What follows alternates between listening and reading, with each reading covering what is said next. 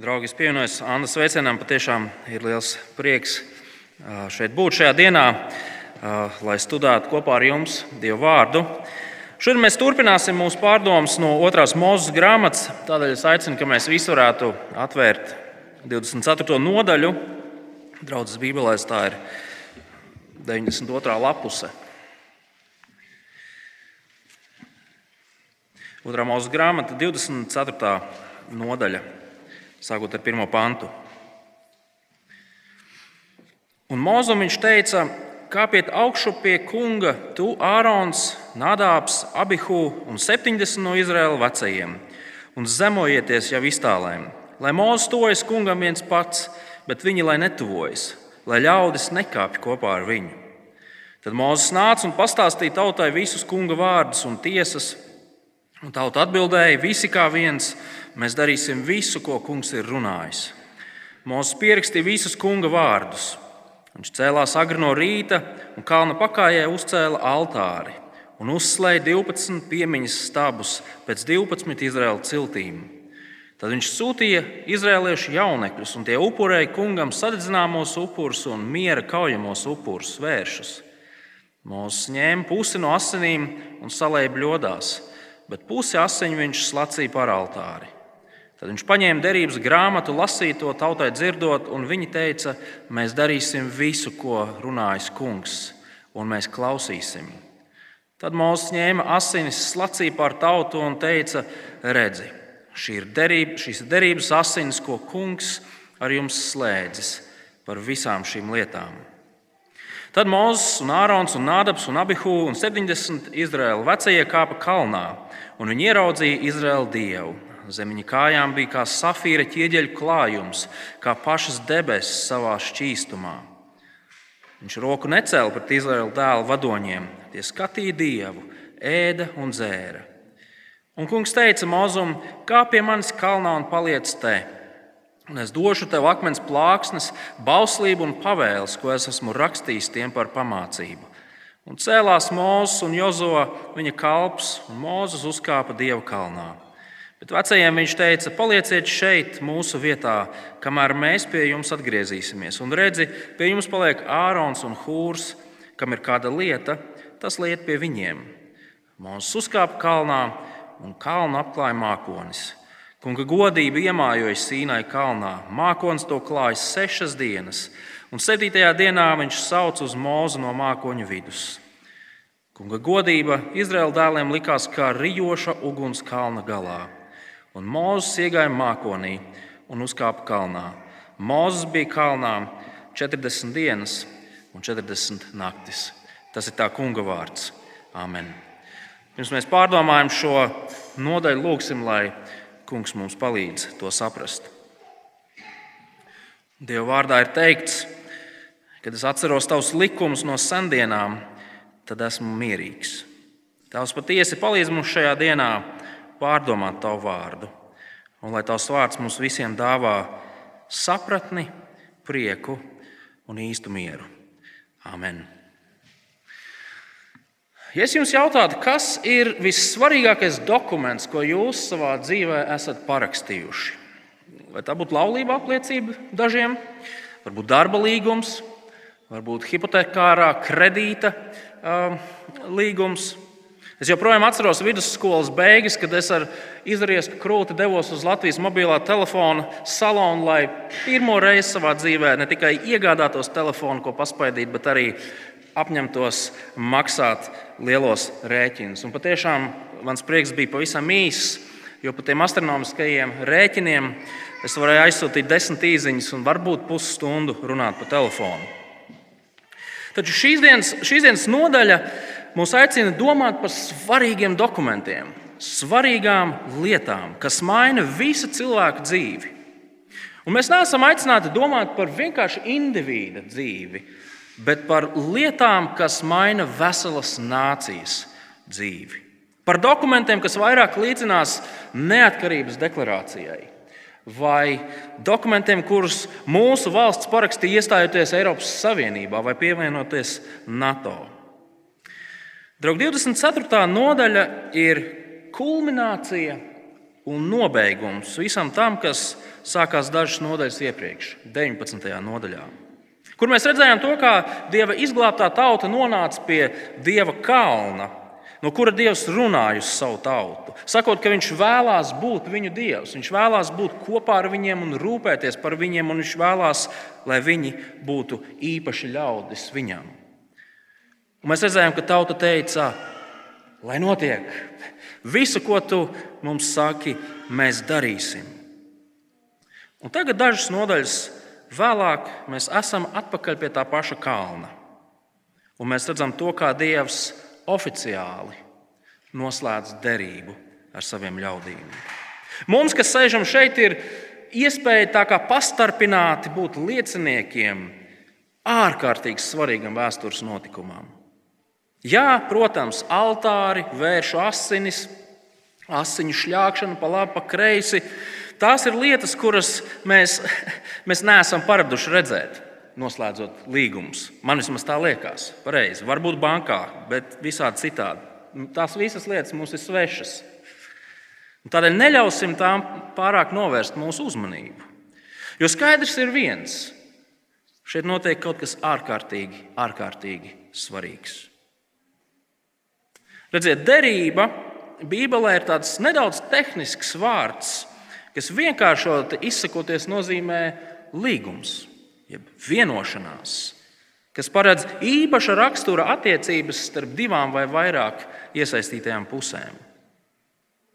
Derība tiek noslēgta nevis starp vienlīdzīgiem derības partneriem, bet starp nevienlīdzīgiem. Tā drīzāk ir vienošanās, kas pastāv starp valdnieku no vienas puses un pavalsniekiem no otras puses. Un tas pats par sevi jau pasaka, ka derība savos pamatos ir žēlastības pilns dokuments. Jo šis dokuments, šī vienošanās, šīs attiecības ir atkarīgs no valdnieka. Valdnieks ir tas, kurš nosaka, kā šī derība izskatīsies. Un tad šajā derības dokumentā ir aprakstītas uh, daudz dažādas lietas par to, kā šīs attiecības izskatīsies, kas iesaistītajām pusēm ir jādara, kas notiks tad, ja darīs šīs lietas, kas notiks tad, ja nedarīs šīs lietas. Mūsdienās parasti līgumiem ir nu, tās entās lapas puses ar tiem maziņiem, maziņiem burtiņiem, ko cilvēki ar brillēm pat nevar salasīt, kur slēpjas visa lieta būtība. Un bieži vien mēs iekļūjamies nepatikšanās, pēc ka mēs neesam izlasījuši. Draugi, attiec, runājot par derību ar Dievu, tur nav mazie burtiņi. Visu Dievs pasaka tā, kā tas ir. Tur nav nekādas slēptās nozīmes un viltīgu gājienu. Viss tiek pateikts tā, kā tas ir. Tātad mēs redzam, šajā nodaļā Dievs noslēdz derību ar cilvēku. Īpašas attiecības. Un, draugi, ja mēs tā nopietni par to padomājam, tad tad fakts, tikai fakts, ka Dievs vēlas būt attiecībās ar cilvēkiem, ir kaut kas neticams un īpašs. Nu, kuram gan negribētos pazīt visuma radītāju? Nu, kuram gan negribētos kaut nedaudz teikt, es zinu, kāds ir Dievs un ko Viņš no manis sagaida un kas man sagaida? Nu, kuram gan negribētos? Ja mēs skatāmies cilvēces vēsturi pāri kontinentiem, mēs redzam to, ka visos laikos, visās vietās, dažne dažādos veidos cilvēki ir centušies veidot attiecības. Varbūt cilvēki to nesauc par Bībeles dievu, bet par kaut ko augstāku, kaut ko lielāku, kaut ko tādu, ko viņi nespēja izskaidrot, bet viņi skaidri apzinās, kaut kam ir jābūt. Draugi, labā ziņa ir tāda, ka visiem meklējumiem ir pienācis gals. Pasaules radītājs Dievs vēlas būt ciešās un patiesās attiecībās ar cilvēkiem. Un viņš šīs attiecības dāvā žēlastībā. Un viņš šajās attiecībās apņemas gādāt un rūpēties par saviem ļaudīm, būt ar tiem kopā visās viņu dzīves gaitās. Un senie izrēlieši, kuri no paudzes paudzē lasīja par šo notikumu, Viņi bija aicināti to atcerēties.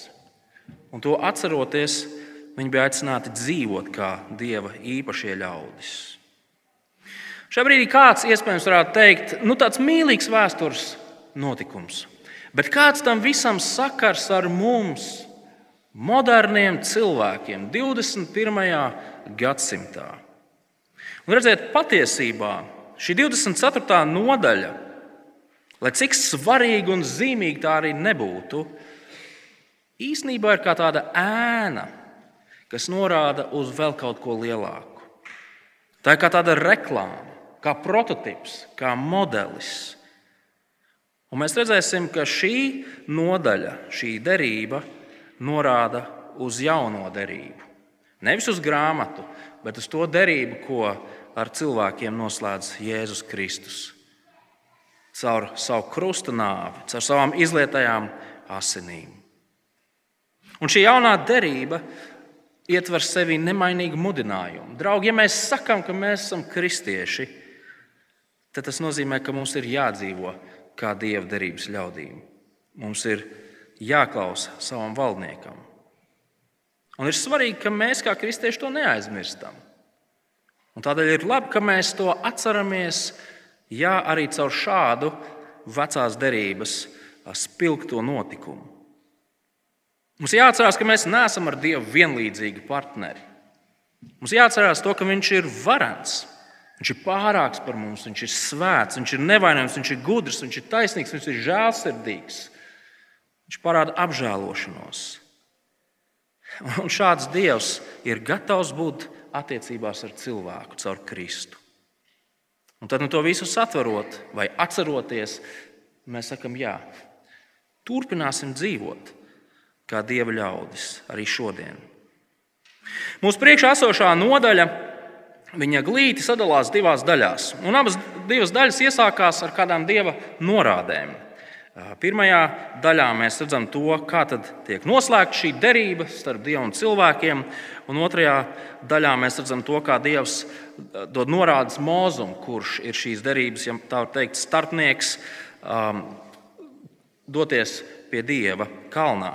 Un mēs šajā dienā mēs vairāk uzmanību pievērsīsim tieši pirmajai lietai - Dieva derība ar cilvēkiem. Skatieties, kā sākās šī nodaļa vēlreiz ar dieva norādījumiem.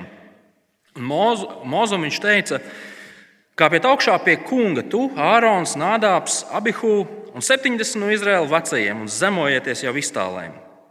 Lai mūzis tuvojas kungam viens pats, bet viņi lai netuvojas, lai ļaudis nekāpj kopā ar viņu. Šie vārdi, šīs norādes parāda ļoti skaidri, ka Dievs ir svēts. Un grēcīgam cilvēkam nav piekļuve dievam tāpat vien. No visas tautas tiek izraudzīti daži - Mozus, Priesteris Ārons un, un, un divi viņa dēli, arī ar, abi priesteri un 70 vadītāji. Bet mēs redzam, to, ka arī viņi, šie īpašie ļaudis, arī viņu piekļuve dievam ir ierobežota. Un no šiem īpašajiem visīpašākais ir Mozus, bet mēs zinām, arī, ka, ka arī viņam piekļuve pie dieva ir ierobežota, lai cik īpašs viņš arī nebūtu. Dieva norādījumi ir skaidri. Draugi, nāciet, bet ziniet savu vietu. Es esmu svēts, jūs nesat. Es esmu mūžīgs, jūs nesat. Es esmu valdnieks, jūs nesat. Starp mums būs attiecības, bet ziniet, ka šis ir veids, kā tās varēs pastāvēt.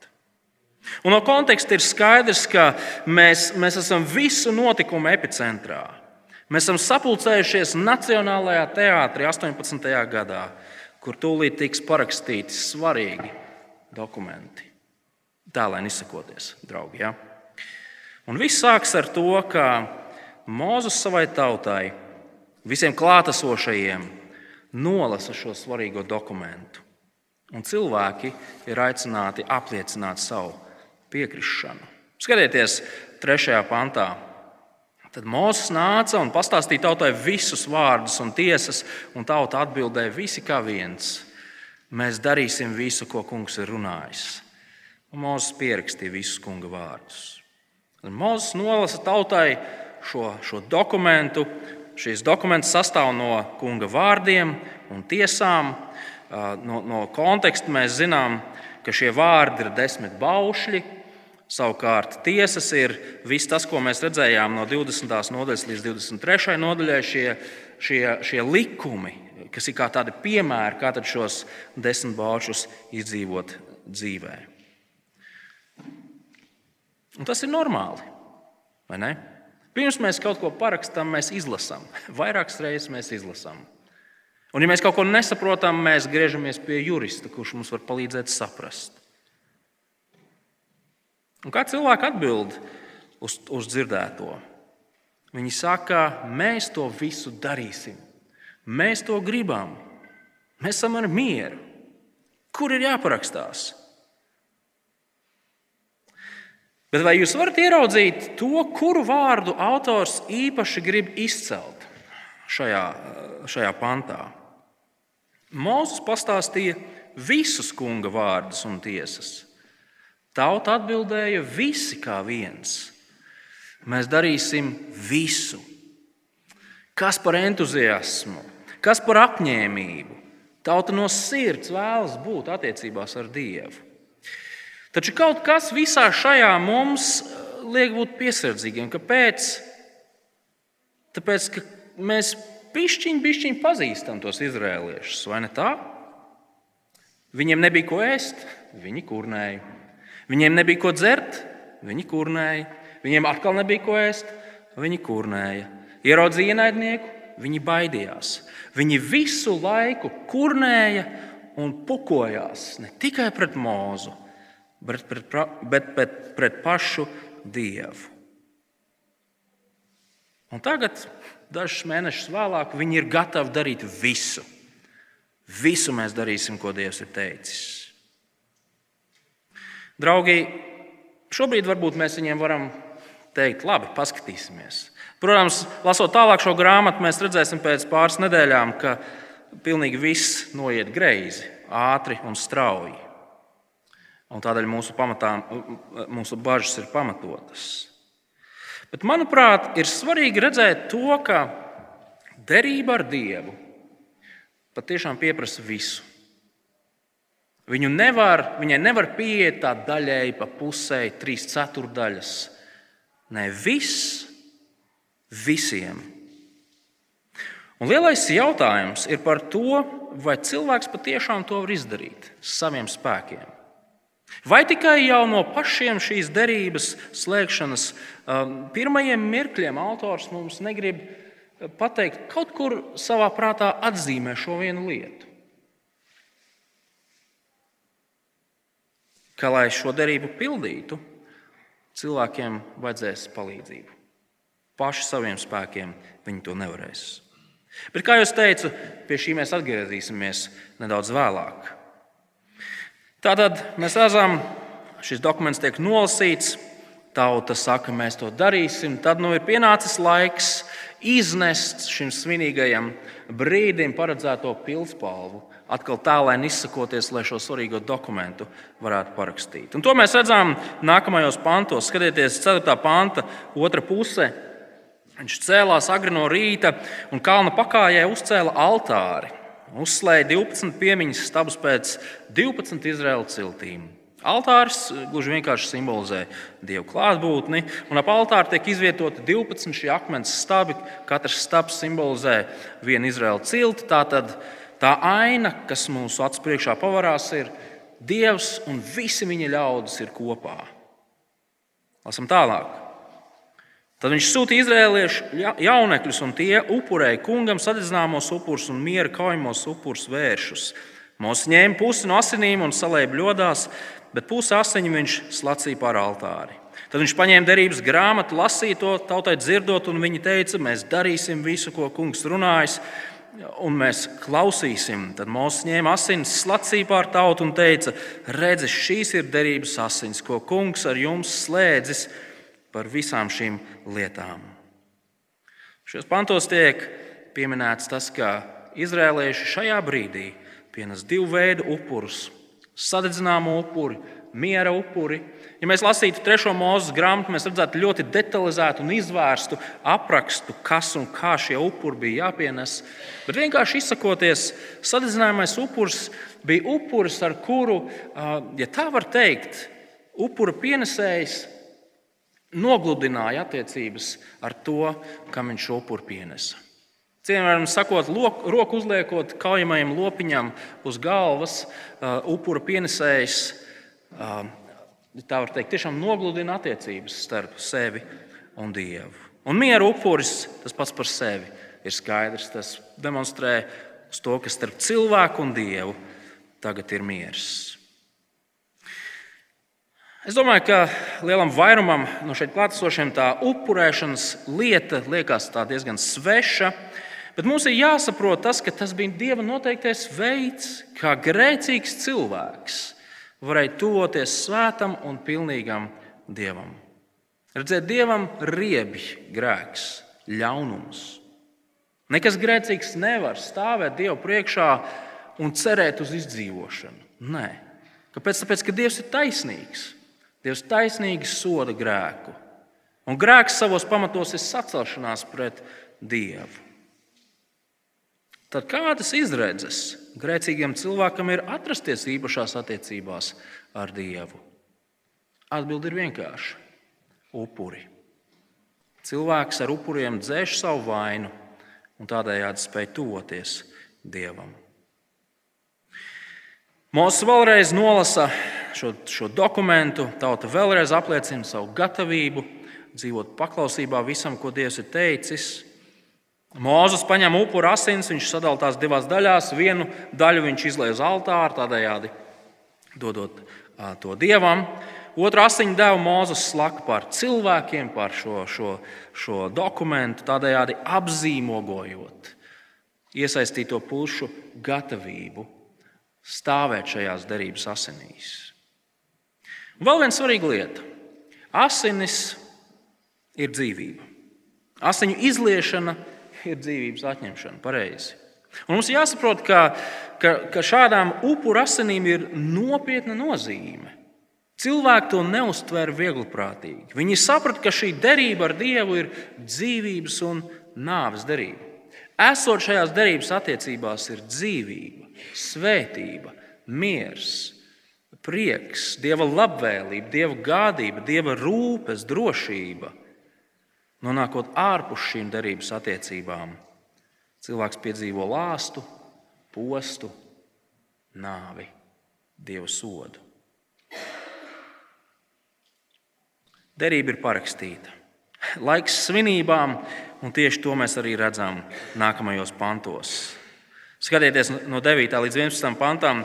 Tad Mozus un Ārons, Nādāps un Abihu un 70 Izraēlu vecie kāpa kalnā, un viņi ieraudzīja Izraēlu dievu. Zem viņa kājām bija kā safīra ķieģeļu klājums, kā pašas debesis savā šķīstumā.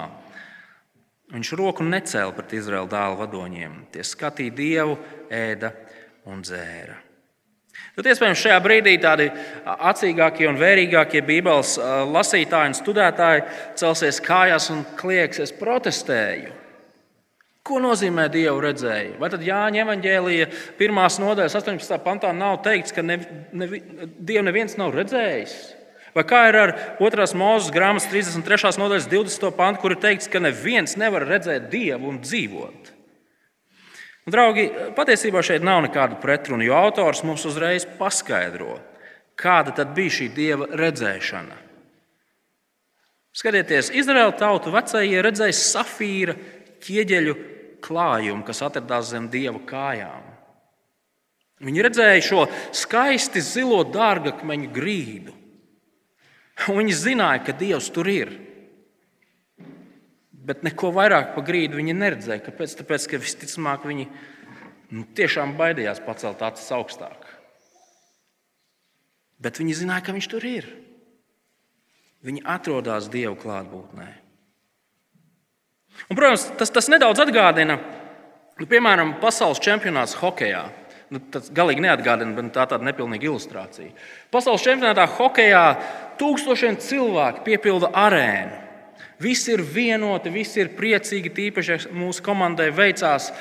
Bet arēnā ir šīs VIP ložas, un VIP ložās kas sēž svarīgie cilvēki, prezidenti, ministri, ietekmīgie cilvēki. Un mēs varētu teikt, klau, mēs bijām vienoti, mēs bijām kopā ar prezidentu. Mēs kopā ar prezidentu skatījāmies hokeju, mēs kopā ar prezidentu priecājāmies, mēs kopā ar prezidentu Taisnības labad jāsaka, ka visticamāk mēs nemaz nezinājām, kur tās VIP ložas atrodas, kurā virzienā ir jāskatās. Bet mēs zinājām, ka prezidents tur ir. Atgriezīsimies pie mūsu 70 vīriem. Tas, ka viņi redzēja banketa zāles grīdu, nemazina šī notikuma svarīgumu, svinīgumu, nozīmīgumu. Šiem 70 vīriem bija dota iespēja, privilēģija baudīt ko tādu, ko neviens cilvēks nebija baudījis. Viņi piedalījās mīlestībā kopā ar Dievu. Jā, tur bija daudz dažādu ierobežojumu, bet viņi ēda un dzēra kopā ar Dievu. Jā, viņi bija nobijušies kā apšu lapas, bet viņi bija kopā ar Dievu. Viņi bija ierobežotā, bet Dieva klātbūtnē.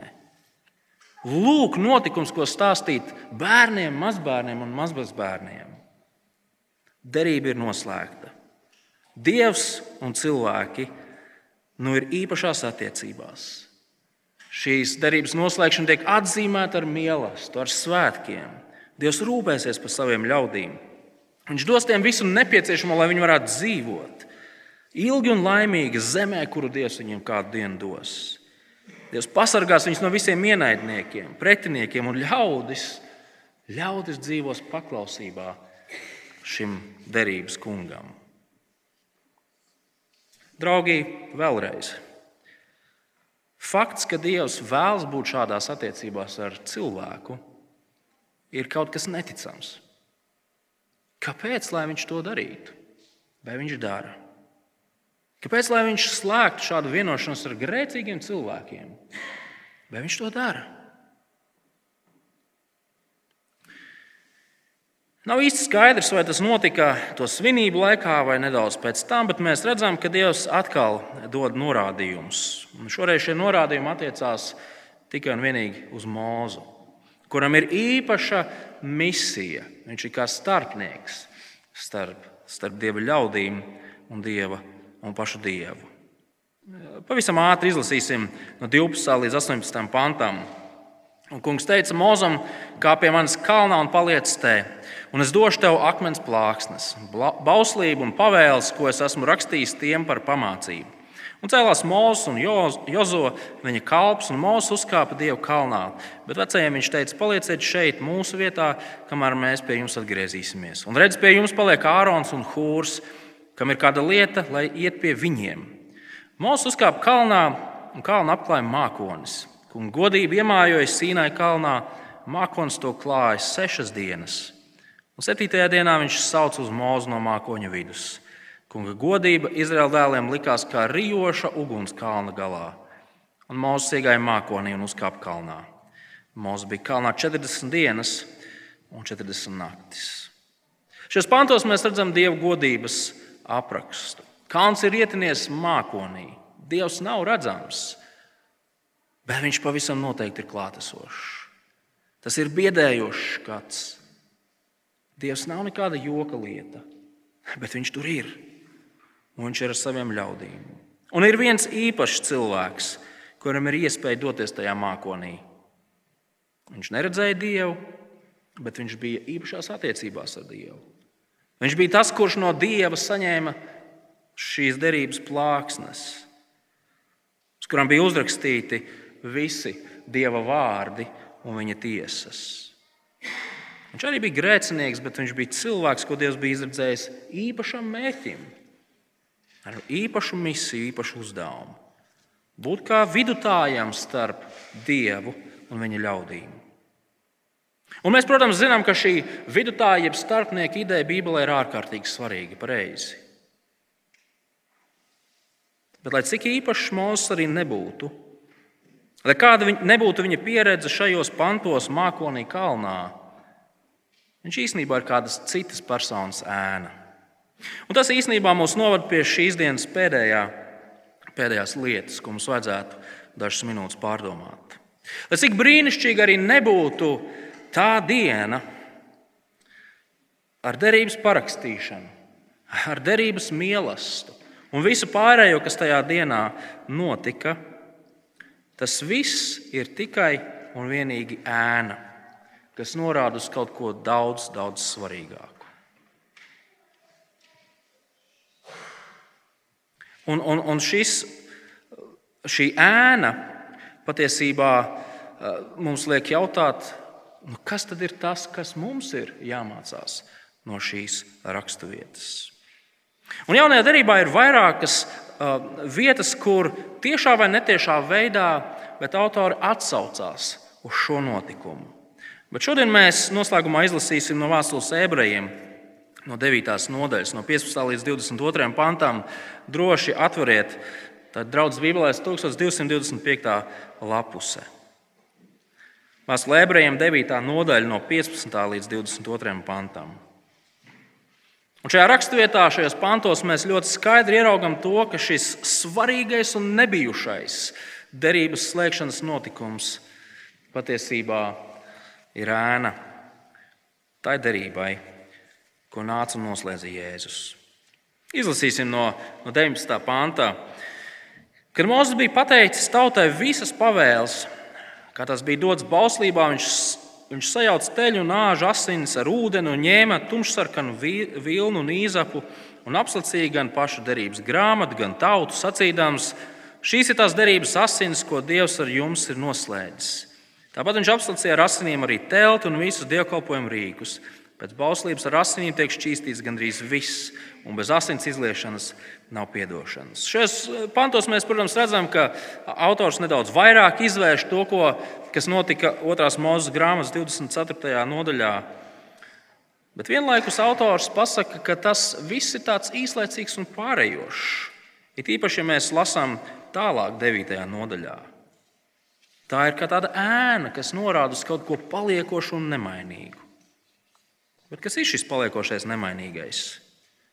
Ieskatieties dažus pants iepriekš, 12. pants, kur autors runā par Kristu. Viņš neizlēja ne āžu, ne teļu asinis, bet gan pats savējās, un reizi par visām reizēm iegājis svētnīcā un iegauva mūžīgu izpirkšanu. Vai 15. pāns? Tādēļ viņš, Jēzus, ir jaunās derības vidutājs, lai ar nāvi, kas izpirka iepriekšējās derības laikā izdarītos pārkāpumus, tie, kas aicināti, saņemtu mūžīgā mantojuma apsolījumu. Draugi, Jēzus Kristus ar savu krusta nāvi ir sagādājis izpirkšanu un mūžīgu grēku piedošanu. Viņš ir sagādājis mūžīgu mantojumu tiem, kas tvērs pie viņa. Kāpēc tas ir vajadzīgs? Mēs jau redzējām otrajā mūža grāmatā, cilvēks ir grēcīgs. Un mēs paši saviem spēkiem nespējam un negribam meklēt Dievu. Mums ir vajadzīga Dieva palīdzība. Mēs paši saviem spēkiem nespējam pildīt to, ko Dievs savā vārdā mums ir atklājis. Mums ir vajadzīga Dieva palīdzība. Un tādēļ Kristus ar savām izlietajām asinīm mūsu grēku, mūsu nespēju un visu pārējo paņem uz sevis. Viņš piepilda šo mūzes laika derību, pats kļūstot par šīs derības garantētāju, šīs derības piepildītāju, šīs derības izpildītāju, šīs derības starpnieku. Viņš ir tas, caur kuru ikvienam cilvēkam var būt piekļuve un attiecības ar Dievu. Viņā ik viens cilvēks visvarenākais no šīs pasaules radītāju Dievu var saukt par abu tēvs, mans debesu tēvs. Un tādēļ mēs esam aicināti turēties pie Jēzus. Mums vairs nav Dievam jāpienes upuri, mums nav jādodas svētceļojumos, mums nav jāgavē, mums nav jāveic nekādi tur rituāli. Mums nav jāpērk indulģences vienā vai citā veidā. Jo, draugi, ja mēs turpinām darīt šīs lietas, Tas līdzinās, iesē, mēs atrodam vecu autiņu, kuram visa riteņa ir noskrūvēta, stūra ir palikusi. Mēs iesēžamies šajā autiņā un mums liekas, ka mēs kaut kur aizbrauksim. Bezjēdzīgi, pareizi. Un tieši tikpat bezjēdzīgi ir turēties pie rituāliem, ceremonijām un visādām jocīgām lietām, domājot, ka ar šo lietu darīšanu mēs aiziesim pie Dieva.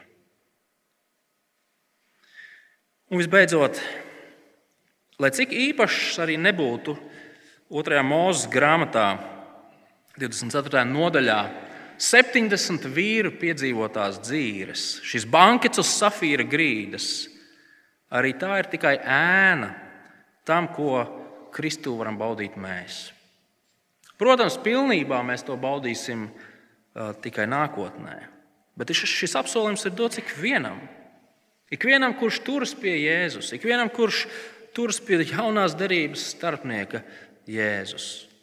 Kristus dēļ mēs visi nonāksim grandiozā mīlestībā. Nevis kādi īpaši izredzētie gudrie teologi un paklausīgie bērni. Nē, draugi, visi, kas turas pie Jēzus, nonāks grandiozā mīlestībā. Safīra grīdas būs sīkums. Tās būs īstas svinības ar vislabāko ēdienu, vis, vis, vis, vistraknākajiem cepešiem, vislabāko vīnu, vissmalkākajām delikatesēm. Tur pie galda sēdēs ik viens, kas šajā dzīvē ir paļāvies uz Kristu. Cauri gadsimtiem tur būs milzīgs skaits cilvēku no visiem pasaules kontinentiem. Bet ziniet, kas būs pats labākais? Pats labākais būs tas, ka mēs neskatīsimies tikai uz safīru grīdu, bet mēs varēsim paskatīties uz savu kungu un glābēju. Goda vietā sēdošo valdnieku, Jēzu Kristu. Tur būs prieka asaras, tur būs pateicība, tur būs prieks. Un tā, draugi, kas tad ir pats svarīgākais dokuments, ko mēs savā dzīvē esam parakstījuši vai kas mums ir jāparaksta? Pats svarīgākais ir tas, ka mums ir reāla ticība kungam Jēzum Kristum. Pats svarīgākais ir tas, ka mēs savā dzīvē saprotam to, kas viņš ir. Mēs saprotam, ko viņš ir mūsu labā paveicis.